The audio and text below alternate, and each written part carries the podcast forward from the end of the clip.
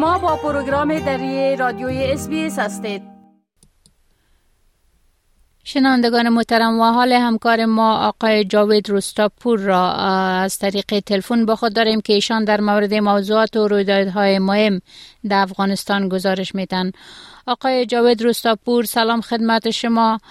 خوب رهبر طالبا گفته شده که تو فرمان صادر کرده که دوسیه های قبلی محکمه هایی که, که محکمه روی زو فیصله کرده بود این دوسیه ها را دوباره مجددا باز می‌کنه و مورد بازرسی قرار میده. اگر در این مورد کمی به شنانده های ما گزارش بتین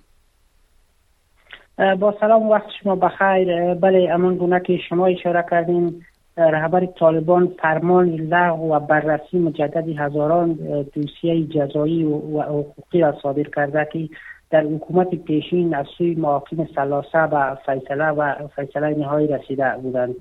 ملاعبت الله آخونزاده رهبر این گروه طرز عملی بررسی مجدد فیصله های فیصله های دادگاه های دولت پیشین را امضا کرده و برای تطبیق به نهادهای عدلی و قضایی طالبان فرستاده.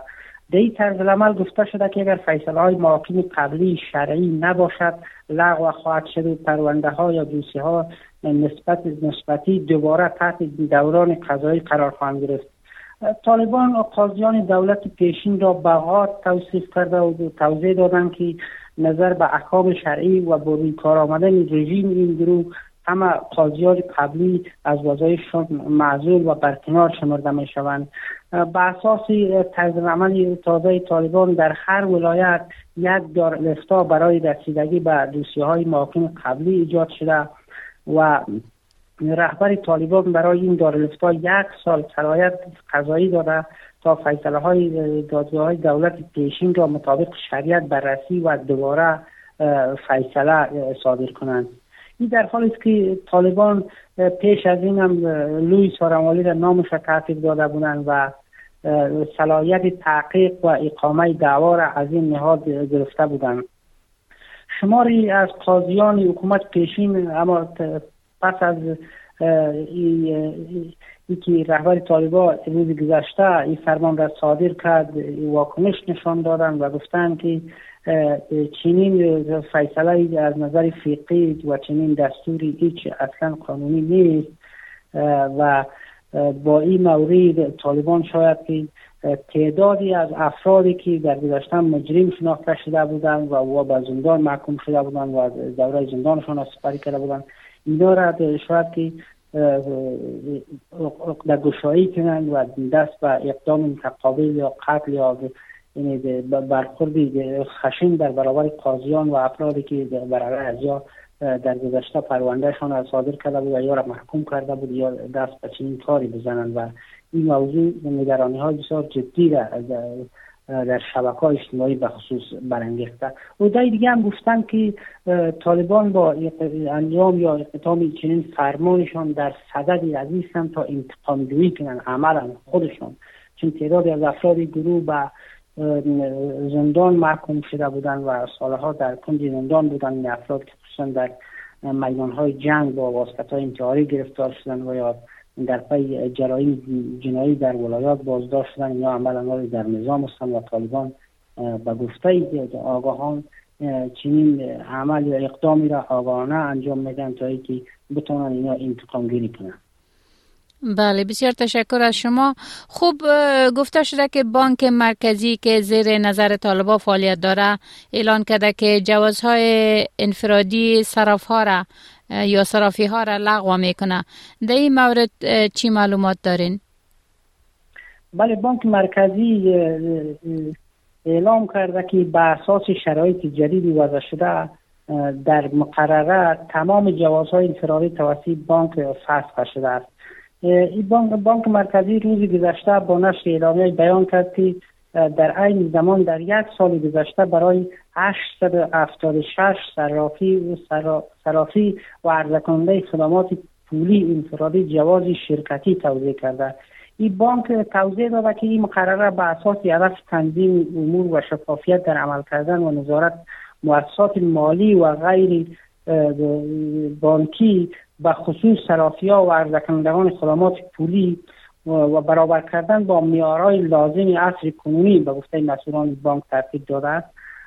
گفتنی با تعدیل این مقرره ها شمار زیادی از سلاخان اما بیکار شدن چون یا جواب انفرادی داشتن و با پول اندکی مثلا یکصد هزار افغانی تا یک میلیون افغانی یا روزانه کار می‌کردن دلار ستوت داشتن دلار خرید می‌کردن از صبح تا عصر و شام را دوباره میفروختن و این صرافا و این خصوصا صرافای دست فروش که جواز داشتن در کنار جاده های استاد بودن شدن اینا بیکار شدن و در کل طالبان بازار مالی کشور در کنترل گرفتن و نگرانی هم جدی هم است که طالبا با این کارشان با اقدامشان دیگه برای افرادی که در گذشته کار داری ستود پول صرافی را و را داشتن یا برای اینجا مجال نمی‌دهند و اینا بیشتر افراد خود را و از نزدیکان خود را در این وقت جابجا می‌کنند و برشان جواز صادر می‌کنند که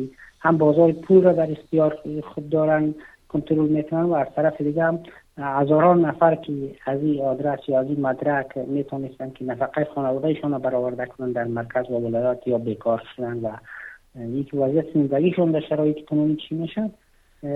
پرسشی که بله. زمان پاسخ خواهد داد. چون فقر و بیکاری در افغانستان با گذشت هر روز دامنه ایش گستردتر و گستردتر شده است. بله. تشکر.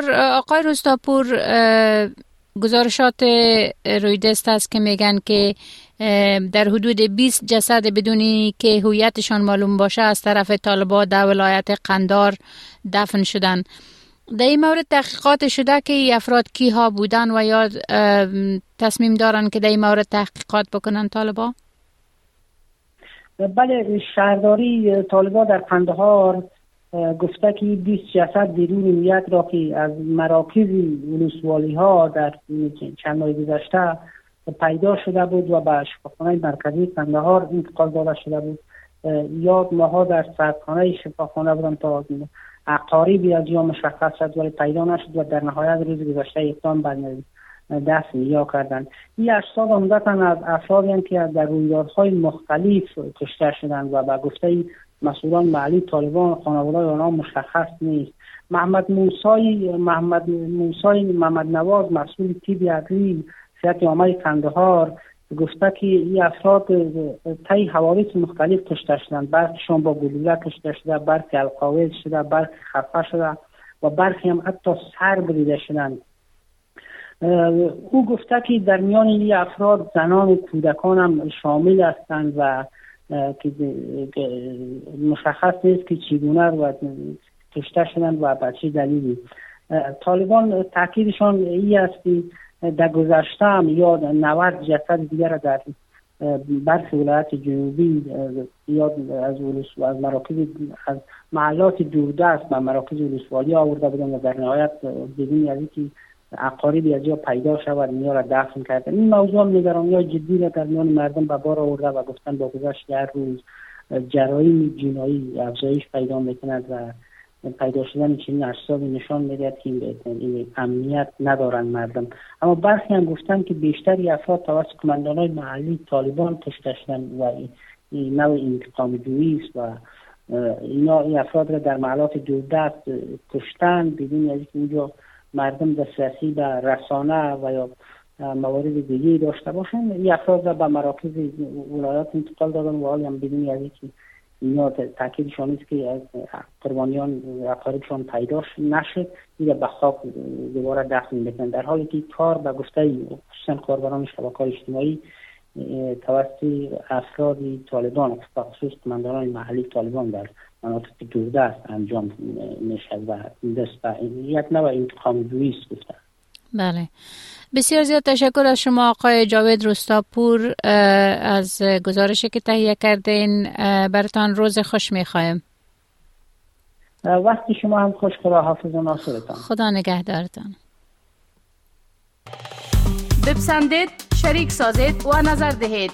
اسپیس دری را در فیسبوک تعقیب کنید.